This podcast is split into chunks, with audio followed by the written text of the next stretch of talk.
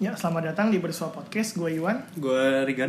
Nah, di sini kita mau membuat podcast lagi tentang suatu isu kesehatan. Nah, sebelum kita lanjut, kita mau bilang makasih dulu nih buat followers-followers kita di Bersua Podcast yang lumayan ya, Gan. Lumayan lah, pokoknya kita nggak nyangka sih uh, dapat follow segini.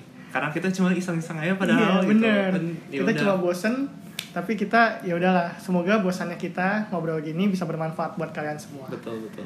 Oke, sekarang gue mau balik lagi nih ke topik nih. Kemarin kita udah bahas COVID panjang lebar. Sekarang gue mau alih uh, topik. Apa Isunya nih sama nih, isu kesehatan yang ibaratnya serius juga. Itu tentang kesehatan mental. Oke, jadi gimana nih?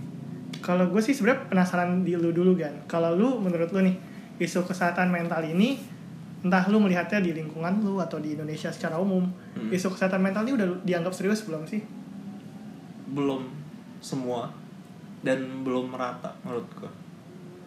Kenapa tuh?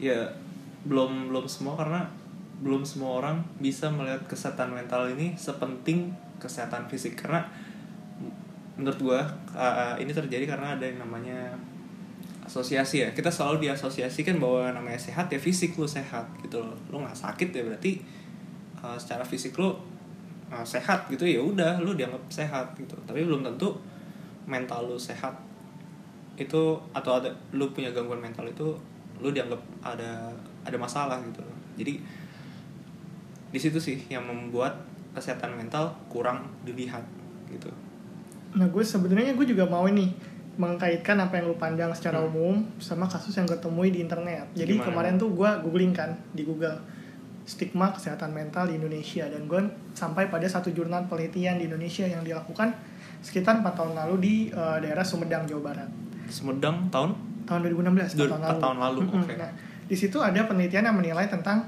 uh, orang dengan gangguan jiwa atau gangguan mental seperti ini Hmm. dikaitkan oleh orang-orang sekitarnya terkait bagaimana orang sekitar memandang orang yang dengan gangguan jiwa itu. Dan dari penelitian itu, di kesimpulannya dan di bagian hasilnya itu Hmm. dicantumkan masih ada uh, 27 dari 264 responden yang menganggap cara memperlakukan orang dengan gangguan jiwa adalah dengan kekerasan. Nah, sebenarnya pertama gue mau nanya dulu deh, lu setuju nggak sama itu? Lu setuju nggak orang yang dengan gangguan jiwa harus diperlakukan dengan kekerasan? ya enggak lah maksudnya itu dua hal yang sangat berbeda gitu loh lo apa ya nggak ada hubungannya gitu loh, antara gangguan jiwa dengan kekerasan ya lo kalau mau memperlakukan kekerasan ya berarti emang lo melakukan kekerasan that's it gitu loh bukan karena orang itu punya gangguan jiwa atau gimana Jadi di sini lo menganggap bahwa ini tuh ada hal yang salah gitu ya? I iya nggak masuk masuk nggak masuk akal Gak masuk akal, bener. Nggak Gue juga mikirnya kayak eh, ini ada tindakan yang gak masuk akal. Tapi Hmm. setelah gue lihat eh, bagaimana peneliti ini mengambil data dari karakteristik respondennya, di sini dituliskan bahwa tingkat pendidikan kebanyakan di eh, riset yang dilakukan ini emang masih Hmm. banyak yang masih tingkat pendidikan akhirnya masih rendah gitu ya. Nah, penelitian ini dilanjutkan di penelitian yang gue baca juga di tahun 2018 Hmm. tentang kaitannya stigma dan pendidikan. Di sini didapatkan bahwa ternyata tingkat pendidikan itu sangat berperan penting dalam pembuatan stigma. Atau di sini stigma mending gue sebut aja sebagai perspektif ya. Boleh. Perspektif tentang eh, kesehatan mental. Ternyata semakin tinggi pendidikan bahwa stigmanya semakin baik. Dalam artian eh, lu akan memperlakukan orang dengan gangguan jiwa atau orang yang memiliki gangguan mental itu lebih baik seperti manusia pada umumnya dan bahkan memberikan dukungan. Hmm. Nah sebelum nyampe lebih lanjut membahas tentang bentuk dukungan yang harus diberikan, gue juga mau cerita nih kan sebenarnya di lingkungan pertemanan gue, bagaimana gue menilai stigma kesehatan mental itu uh, yang gue alami sebagai mahasiswa kedokteran ya. Hmm. Menurut gue sendiri, gue mau ngomong uh, sebelumnya gue nanti mau verifikasi ke lu juga nih. Jadi gue cerita dulu nih tentang gue sebagai mahasiswa. Hmm. Gue sebagai mahasiswa menilai bahwa teman-teman gue yang sesama mahasiswa kedokteran masih banyak yang belum tahu caranya untuk menjaga mental dengan baik. mental siapa nih mental Mental- dirinya atau mental orang lain Nah di sini gue berani bilang dua-duanya. dua-duanya oke Mental diri sendiri ya gue bahas nih ya. coba coba mental diri sendiri dulu Kebanyakan gue sebagai mahasiswa kedokteran tingkat 3 Hmm. mempelajari bahwa teman-teman gue itu banyak yang masih ibaratnya eh bukan yang mereka ignoran ya, bukan mereka tidak peduli terhadap kesehatan mental, bukan. Tapi? Tapi mereka tidak tahu cara yang benar untuk eh, menjaga kesehatan mental diri mereka sendiri. Di sini kenapa gue bisa bilang seperti itu? Eh, bukan karena mereka mentalnya jadi eh, loyo, mentalnya jadi Hmm. lemah. Itu bukan gue, maksudnya bukan Kita level gue untuk itu, iya gitu kita ya. nggak mau ngomongin itu, tapi lebih cara uh, bagaimana memaintain punya kesehatan mental yang ibaratnya tinggi. Di sini menurut gue Oke, oke. agak sedikit ironis sih karena kita sebagai mahasiswa kedokteran uh, kita juga perlu nih tahu tentang cara menjaga kesehatan mental. Hmm. Karena gue takutnya gini, ketika nanti pada suatu saat mereka menghadapi suatu peristiwa Hmm. dan uh, tidak beruntungnya adalah mereka uh, mental ada sesuatu dan Hmm. ternyata mereka juga tidak tahu cara menjaga mental mereka, Hmm. mereka mereka akan jatuh cuy. Mereka akan uh, Hmm. tidak percaya diri seperti itu ya ke apa uh, self confidence nya menurun yang gue takut adalah kalau lu effortnya mungkin udah bener tapi nanti suatu saat lu jatuh ke lingkungan pertemanan yang salah nah mental lu kan bisa menjadi lebih bobrok lagi Oke, oke. paham kan maksud Iya, gue iya. nah di sini itu pertama yang diri sendiri dan yang lebih eksternal dalam menjaga mental orang lain kebanyakan dari yang gue lihat dari teman-teman gue gue berani bilang kalau hanya ada sekelompok kecil yang benar-benar uh, peduli dengan mental sesamanya karena di sini gue sebagai orang yang pernah aktif di organisasi Hmm. pernah aktif di bidang perkuliahan melihat bahwa sangat mudah untuk menjatuhkan satu sama lain percaya nggak sih lu Iya, iya. kan Betul, kayak betul. Gua- menjadi gua orang juga orang- tahu menjadi sih, orang yang iya. toksik itu sangat mudah uh, dilakukan untuk satu sama lain dengan label bercanda seperti itu nah ini mungkin menurut gue uh, bakal berpengaruh juga nih ke stigma bahwa orang menganggap bahwa mental health itu bukan isu yang serius Oke. Iya kan, bukti Iya. aja. Kalau Iya, gue singkat tadi yang gue omong adalah yang satu tidak tahu cara menjaga kesehatan mental, yang satu menganggap mental ada bercandaan. Di sini Iya, gue iya. nggak bisa lihat nih, apa namanya mental health itu dianggap sebagai yang serius. Kalau lu sendiri gimana? Uh, menurut gua kalau kalau menurut gua mungkin gak beda jauh sih sama lo tapi mungkin menurut gua melengkapi aja bahwa yang gua ngelihat dari perspektif gua nggak semua orang tahu nggak semua orang tahu nggak bukan nggak semua tahu ya nggak semua orang punya kemampuan belum ya belum punya kemampuan untuk uh, menjadi peka terhadap uh, temannya lingkungannya bahwa sebenarnya orang ini tuh ada masalah nggak sih gitu loh.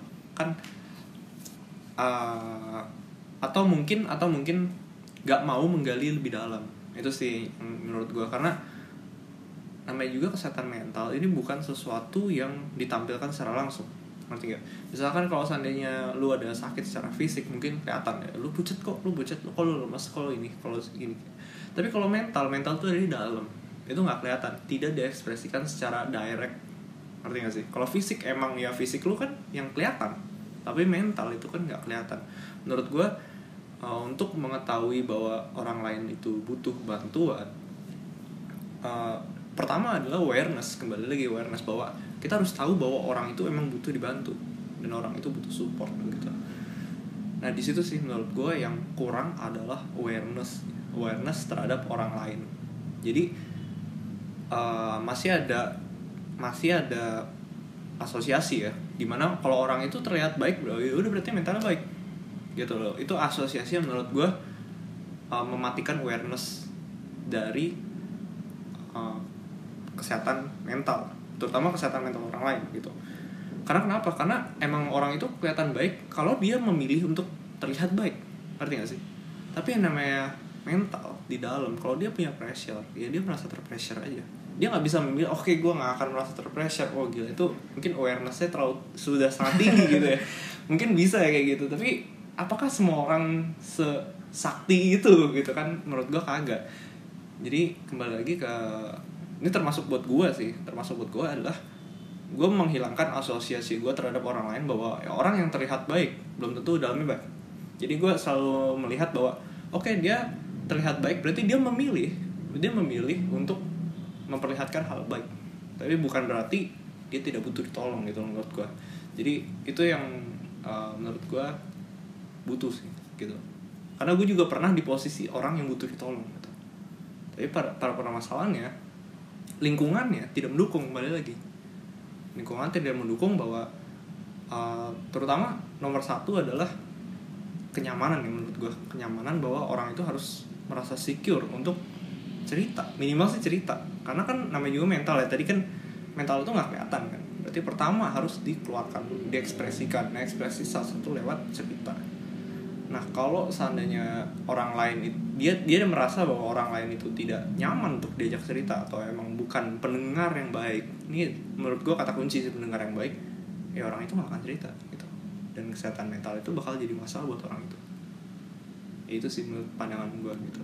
Nah ini berarti tadi klarifikasi cerita gue sama cerita Riga nih valid ya. Kita berdua sama-sama menganggap bahwa emang bahkan sekecil lingkungan pertemanan di kelompok mahasiswa kedokteran aja awareness aja masih kurang. Hmm. Kalau gue tadi lihat dari aspek uh, cara merawat mental sendiri yang masih belum banyak yang tahu terus Hmm. juga Ligan juga menarik lebih jauh terkait awareness untuk menjadi pendengar yang baik untuk building trust dengan orang yang mungkin sedang lemah dan sedang butuh dibantu itu juga masih Hmm. kurang nah sekarang tadi kan teman nih Gan Hmm. kalau misalnya gue mau coba minta lu contoh sama pengalaman lu terkait lingkungan yang lebih intimate nih yaitu keluarga Kenapa tuh? Nah, menurut lu di keluarga lu atau mungkin di keluarga kerabat-kerabat dekat lu itu mental health itu udah dianggap serius belum? Menurut gue mental health itu belum. Belum belum dianggap seserius itu. Karena kembali lagi ke awareness. Karena jujur gue juga baru tahu yang namanya mental health se sejauh ini karena gue masuk kedokteran. Menurut gue kalau seandainya gue di luar kedokteran gue gak akan tahu apa apa tentang ini dan gue gak akan peduli. Gitu loh. Dan ini menurut gue gitu. Dan di satu sisi pengalaman ini yang membuat gue sadar bahwa ya udah mungkin kalau seandainya di luar sana ada orang yang belum ngerti karena mereka belum terekspos terhadap uh, isu-isu mental health terutama awareness gitu bahwa mental health tuh bukan sekedar penting tapi nyata gitu ada setiap saat walaupun nggak kelihatan. Itu sih yang menurut gue penting di uh, tekankan dan kalau di keluarga sendiri menurut gue belum gitu loh. Kembali lagi ke kepekaan itu. Uh, mungkin semakin ya mungkin tergantung ya. Kan beda keluarga beda ya. Mungkin semakin lu dekat ya mungkin semakin lu dekat lu merasa bahwa ya sudahlah uh, lingkungan lu oke gitu loh. Ini mungkin agak apa ya paradoksikal gitu ya Iya. paradoksikal ya. Soalnya gue juga mengamati mengamati bahwa orang yang merasa dekat dia cenderung melihat temannya ya udah nggak apa-apa gitu. Tapi dia ju- justru lebih concern terhadap orang yang lebih jauh gitu. Karena orang yang lebih jauh itu kalau seandainya eh, lebih mudah mengamati perubahan. Karena dia nggak sering ketemu. Lu ngerti gak sih? Kalau seandainya lu sering ketemu dengan eh, orang ya lu melihat orang itu berubah ya udah biasa aja be aja gitu loh. Karena lu melihat perubahan itu secara sebentar. Ini yang gue amatin sih. Gue nggak tahu ini bener atau enggak tapi ini yang gue amatin pendapat ya terus kalau seandainya lu mengamati yang di luar lu bakal bisa lebih tajam. Kenapa? Karena perubahannya pasti drastis. Misalkan lu berubah berubah dikit aja lu tahu gitu. Karena lu mungkin jarang ketemu. Tapi untuk yang lingkungan lebih kecil menurut gua karena sering ketemu perubahannya makin kecil gitu loh. Tapi akumulasinya mungkin besar. Dan itu menjadi yang menjadi menjadi cover gitu menjadi cloak istilahnya dia nutupin perubahan itu jadi awareness kita nggak terlalu terganggu itu sih menurut gue Nah, gue mau tapi emang kurang kalau menurut tuh gimana gitu kalau gue sebenarnya ya satu pendapat sama lu cuma dalam mungkin sudut pandang yang berbeda ya. Hmm. Gue mau cerita dari pengalaman sih sebagai ibaratnya gue pernah mengalami di sisi ketika gue butuh bantuan dan gue gua pun nggak mendapat bantuan itu di keluarga gue. Bukan berarti gue menganggap bahwa orang tua gue nggak membantu atau misal saudara gue nggak membantu, bukan. Tapi bantuan mereka adalah bukan bantuan yang gue butuhkan pada saat itu. Jadi gini, oke di sing gue mau me- me- mengembalikan cerita gue yang dulu tentang bagaimana gue bisa sampai sekarang uh, hidup dan survive dengan gangguan kecemasan menyeluruh atau generalized anxiety disorder GAD. oh, oh.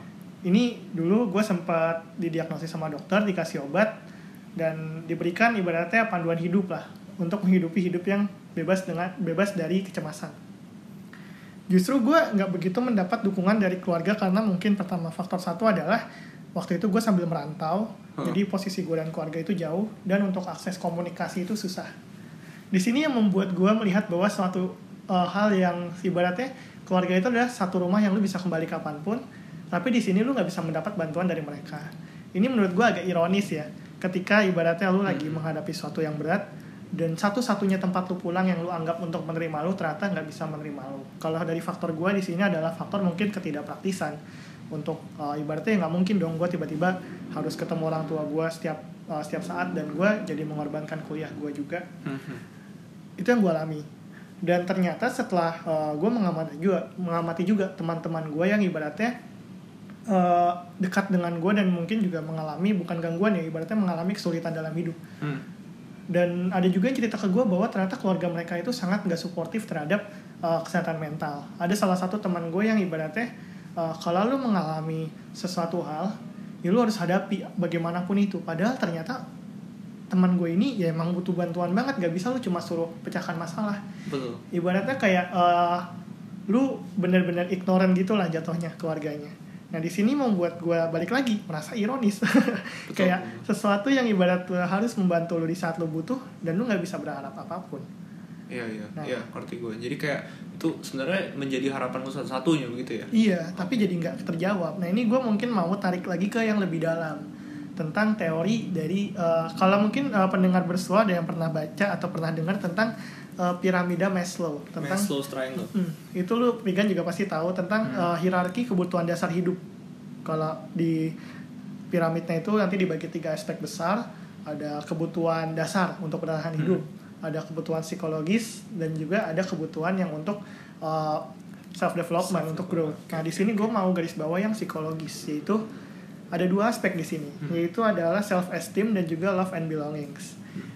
Kalau bahasa Indonesia-nya ya, gue bahasa Indonesia Iya, aja, iya, iya. itu adalah kepercayaan diri dan juga merasa dicintai. oke Nah, kalau gue balikan lagi ke dua bahasan kita yang pertama yaitu pertemanan dan juga keluarga. Nah, teman dan keluarga ini adalah sumber satu-satunya atau mungkin salah satu buat beberapa orang Hah. untuk mendapatkan kebutuhan psikologis ini. Kalau dia nggak mendapatkan kebutuhan ini, mereka nggak bakal dapat mencapai tahapan selanjutnya dalam uh, dalam piramida ini. Kalau di piramida ini ya untuk berkembang, untuk benar-benar lu menja- mencapai apa yang lu tuju dalam hidup. Gue jadi concern nih kan sebenarnya. Iya. Gue mau Iya, nyampein aja ya concern gue secara ini opini pribadi iya kalau di uh, lingkungan kita yang mahasiswa kedokteran itu bahkan untuk mendapatkan kedua aspek kehidupan dasar ini tidak bisa di luar sana kira-kira gimana ya lu concern gak sih tentang apa yang oh ada di luar gue sana? Maksud gue di istilahnya lu di rumah udah kacau apalagi di luar rumah Nah, gitu ya? oke oke.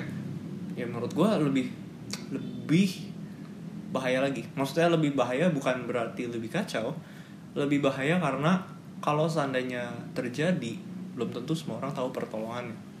Mungkin kalau seandainya kita di eh, istilahnya gini lah lu di, luar, di rumah sakit tempat luar rumah sakit. Kalau di rumah sakit lu kenapa-napa emang itu tempatnya untuk terjadi sesuatu yang tidak diinginkan gitu loh. Kemungkinan lu untuk diselamatkan tinggi gitu. Tapi kalau lu di luar rumah sakit istilahnya kayak gitu ya istilah ini tapi bukan analogi yang terlalu bagus tapi kalau di luar rumah sakit lu ter- terjadi sesuatu belum tentu lu dapat pertolongan yang lu butuhkan gitu loh. Di saat lu terjadi eh, gangguan atau istilahnya lu need help lah gitu nah sebenarnya gue ini pendapat gue tadi gue tertarik sih sama cerita lu dan sebenarnya gue pengen tanya balik ke lu. Lebih dalam lagi bahwa sebenarnya apa sih yang lu cari dari keluarga lu? Pas lu balik ke keluarga lu itu sebenarnya apa yang lu cari? Eh, sebenarnya ya kalau gue sendiri eh, karena tiap orang berbeda jadi ini opini gue juga ya. Betul, betul. kalau gue yang gue cari itu sebenarnya adalah eh, dukungan sih. Lebih kayak bagaimana keluarga gue bisa memvalidasi gue untuk gue eh, bisa menyelesaikan masalah. Karena pada dasarnya gue ini memandang diri gue ya adalah orang yang dapat menyelesaikan masalah pertama itu. Hmm. dan gue nggak butuh bantuan untuk menyelesaikan masalah. Tapi yang gue butuhkan itu adalah dukungan sekedar memberi gue ibaratnya kamu bisa kamu pasti bisa. Oh istilahnya kayak Minimalnya- validasi bahwa lu pasti bisa. Nah iya minimal walaupun lu itu nggak butuh bantuan lu nggak butuh dibantu. Tapi lu butuh ada orang lain yang yakin lu bisa. Iya benar. That's it. itu yang paling dasar gue butuhkan. Oke. maksudnya yang gue oke, harapkan ya dari oke. keluarga gue ada kalau dari situ ya ini kita kalau ngelihat dari Maslow triangle ada yang namanya esteem needs sama belonging and love needs berarti itu yang mana kalau gue sendiri lebih ke mungkin di sini nggak bisa langsung gue jabarin langsung oh yang ini satu Oke. jawaban karena yang ini karena kalau tadi gue balik ke contoh gue ya Huh. dukungan itu bisa dalam eh, memastikan kalau gue bisa lewat esteem esteem berarti ya Hmm. satu terus tapi juga bisa dalam bentuk love dengan dia selalu Ah. ada ketika gue butuh lalu juga misalnya eh, bantuan mungkin kalau di sini gue memandang love atau cinta itu sebagai intimate ya untuk menemani. Ya gitu sih. Oke oke. Sebenarnya gue bisa relate sih sama cerita lo. Dan ini terjadi juga pada gue dan mungkin gue nggak perlu ceritain lagi karena memang bentuk ceritanya sama dengan situasi yang berbeda. Tapi gue nggak tahu nih pendengar gimana sih Eh, apakah relate dengan cerita kita.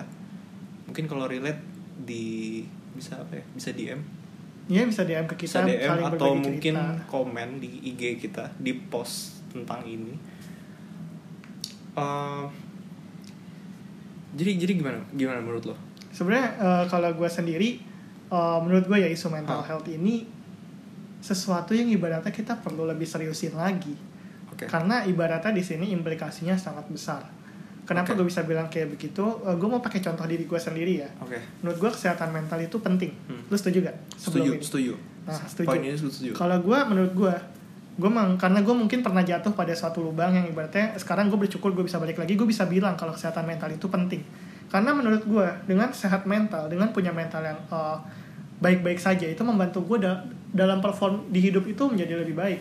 I Oke. can perform well in ya life. iya iya Contohnya adalah sebenarnya contohnya paling gampang kalau lu merasa jatuh justru ya. Betul. Jadi gue coba coba contohin kalau ketika gue merasa jatuh nih betul ketika gue lagi kena serangan cemas itu umum banget gue alami ketika eh, misalnya gue lagi kerja kerja terus Hmm. uh, pressure terlalu berat gue mendapat distress dari ibaratnya penderitaan lah Oh, dari iya, dunia iya. luar oke gue bisa men- eh, merasa bahwa cemas pada hal-hal kecil contohnya yang harusnya gue nggak cemas ya contohnya gue cemas kalau pintu kamar gue nggak ditutup gue bisa stres gue bisa cemas karena gue berpikir ini orang nggak tutup pintu berarti dia nggak respect sama kerjaan gue saat ini. Gue dia nggak menghargai gue gimana gue mau kerja lebih baik kalau orang bahkan nggak mau menghargai gue gue bisa sampai kepikiran segitunya dan bukan berpikiran pada fokus kerja gue Oh, oke di sini Oke. gue benar-benar Benar, benar, irritated banget sama orang yang kayak gitu ketika gue lagi in on the, on pressure ya.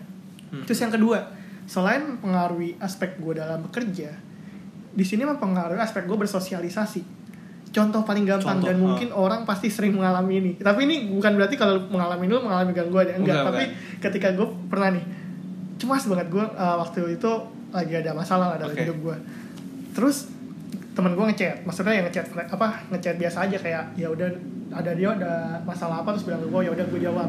Terus tiba-tiba dia nggak jawab pesan gue lagi dan gue stres. Gue langsung berpikiran kayak anjir apa dia uh, nggak suka ya sama chat sama gue ya. Apa kata-kata gue sebelumnya ada yang salah ya? Apa mungkin jangan-jangan dia lagi ngechat sama yang lain terus lupa ya sama gue? Gue sampai segitunya gak kepikiran. Kalau gue lagi stres dan gue lagi uh, Oh. dalam sesuatu yang memancing gue untuk cemas tadi. Oke oke. Dan itu menurut gue nggak baik ya. Hmm. Uh, tapi gue mau klarifikasi lagi bukan berarti kalau lo mengalami gangguan itu uh, lu udah pasti mental lo ada kenapa-napa. Enggak ini sebenarnya ini sangat normal. Cuma kalau gue merasakan di diri gue itu berlebihan berlebihan sampai mengganggu sosialisasi dan kinerja gue dalam real life. Itu implikasi yang gue rasakan. Menurut lu gimana gan? Lu mental health buat lu sendiri penting kenapa? Menurut gue penting eh, karena karena karena karena ya kembali lagi ya mungkin gue tidak bisa mendeskripsikan secara ilmiahnya bagaimana. Tapi menurut gue mental health itu adalah salah satu bagian dari zona nyaman kita. Oke? Jadi menurut gue tapi ternyata gue menemukan hal yang sama di Maslow Triangle ini bahwa se- se- sebenarnya setiap orang tuh butuh zona nyaman dan zona aman kenapa karena kalau manusia itu tidak memiliki zona nyaman dan zona aman, mereka bakal masuk ke fase yang namanya konservatif. Jadi begitu mereka masuk ke fase konservatif, mereka bakal menjaga diri mereka intact. Mereka tidak nambah, tidak berkembang, atau tidak hancur gitu. Konservatif, udah garisnya rata gitu doang. Tapi namanya orang itu pasti butuh berkembang gitu ya. Namanya berkembang itu lu harus keluar dari zona nyaman lu gitu. Nah menurut gua kenapa mental health ini penting? Mental health ini berhu- berhubungan dengan zona nyaman yang sehat. Karena semua orang bilang lu harus keluar dari zona nyaman, lu harus keluar dari zona nyaman lu. Tapi menurut gua setelah gua keluar dari zona nyaman gua dan gua tidak dan yang kembali lagi gitu yang gue pernah merasa insecure dan gue kembali ke zona nyaman gue dan ternyata kok begini gue nggak dapet respon yang gue harapkan gitu kan. Itu membuat gue stres. Pernyataan gue sekarang adalah gue butuh bukan gue butuh. Zona nyaman adalah hal yang penting. Begitu ya zona nyaman adalah hal yang penting. Dan kita harus membedakan dua zona nyaman yang eh, baik dan zona nyaman yang buruk. Ini kalau berdasarkan pengalaman gue zona nyaman yang buruk buat gue adalah zona nyaman yang membuat gue nyaman dan tidak mau keluar. Oke jadi gue berkutat di situ aja. Jadi itu zona nyaman yang menghambat gue untuk berkembang justru.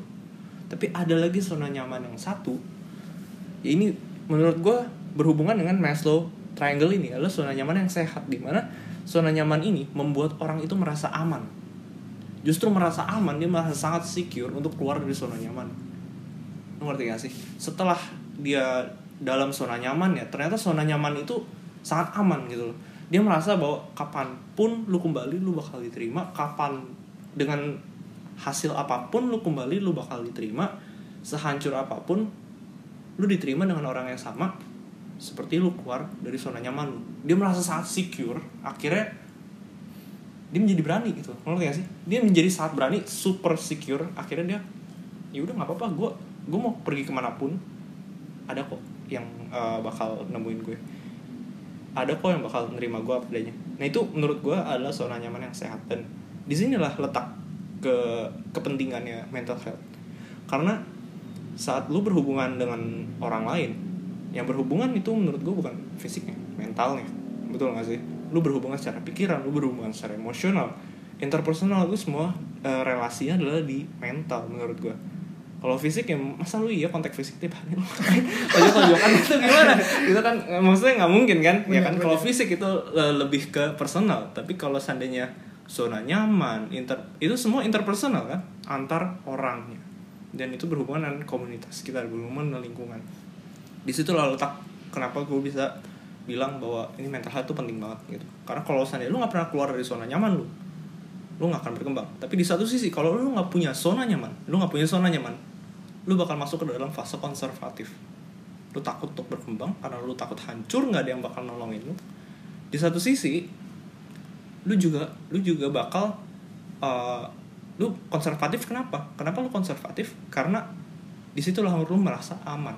Justru karena lu nggak dapet zona aman nggak dapet zona nyaman lu membuat keamanan diri lu sendiri. Dengan cara lu nggak ke mana-mana. Itu sih yang membuat gue concern bahwa mental health ini penting karena lu butuh zona nyaman itu zona nyaman yang positif yang membuat lu secure untuk keluar dan berkembang gitu. Wah gila gue setuju sama Erigan bilang tadi nah tapi mungkin di sini uh, karena mungkin waktunya juga udah mepet ya kan nah yeah, di iya. sini yeah uh, nanti di part 2 kita juga bakal bahas nih gimana cara bikin zona nyaman yang bisa buat lu berkembang. Oke. Okay. Itu Berarti pertama caranya. Caranya. Ya, sekarang caranya. Nah, terus yang kedua mungkin kita juga mau ngasih tahu nih cara-cara ya ibaratnya yang gampang lah buat orang lain lakukan kepada kita. Misalnya kalau uh, kebalikannya deh kita buat hmm. orang lain justru. Hmm. hmm, hmm. Kalau ada teman kita yang butuh bantuan dan gimana sih cara ngasih bantuan yang benar. Nah, itu mungkin nanti kita akan bahas di part 2. Oke? Okay? Okay, nah, okay, mungkin okay. kita rangkum dulu nih. Tadi itu kita udah ngomongin tentang apa aja. Isu. Jadi Pertama, Pertama, tadi kita udah ngomongin tentang uh, isu mental health, stigma hmm. oleh masyarakat dan juga teman-teman kita.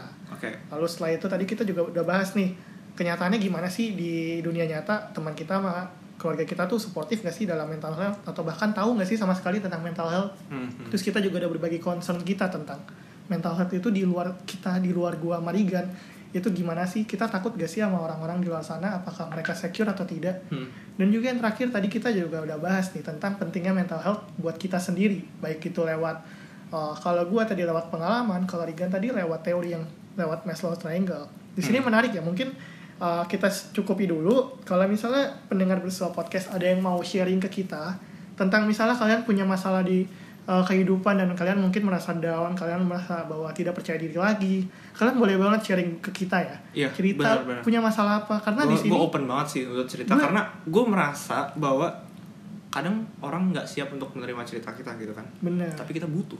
Nah, gitu. gue setuju juga. Salah satu cara untuk uh, relief ya adalah untuk cerita. Mungkin kalau kalian mau cerita langsung DM gue aja di Vinkur. Gue at Jubertus Nah mungkin nanti kita bisa cerita lebih lanjut di DM. Sampai saat sampai sini dulu mungkin bersama podcast kita lanjut di part 2.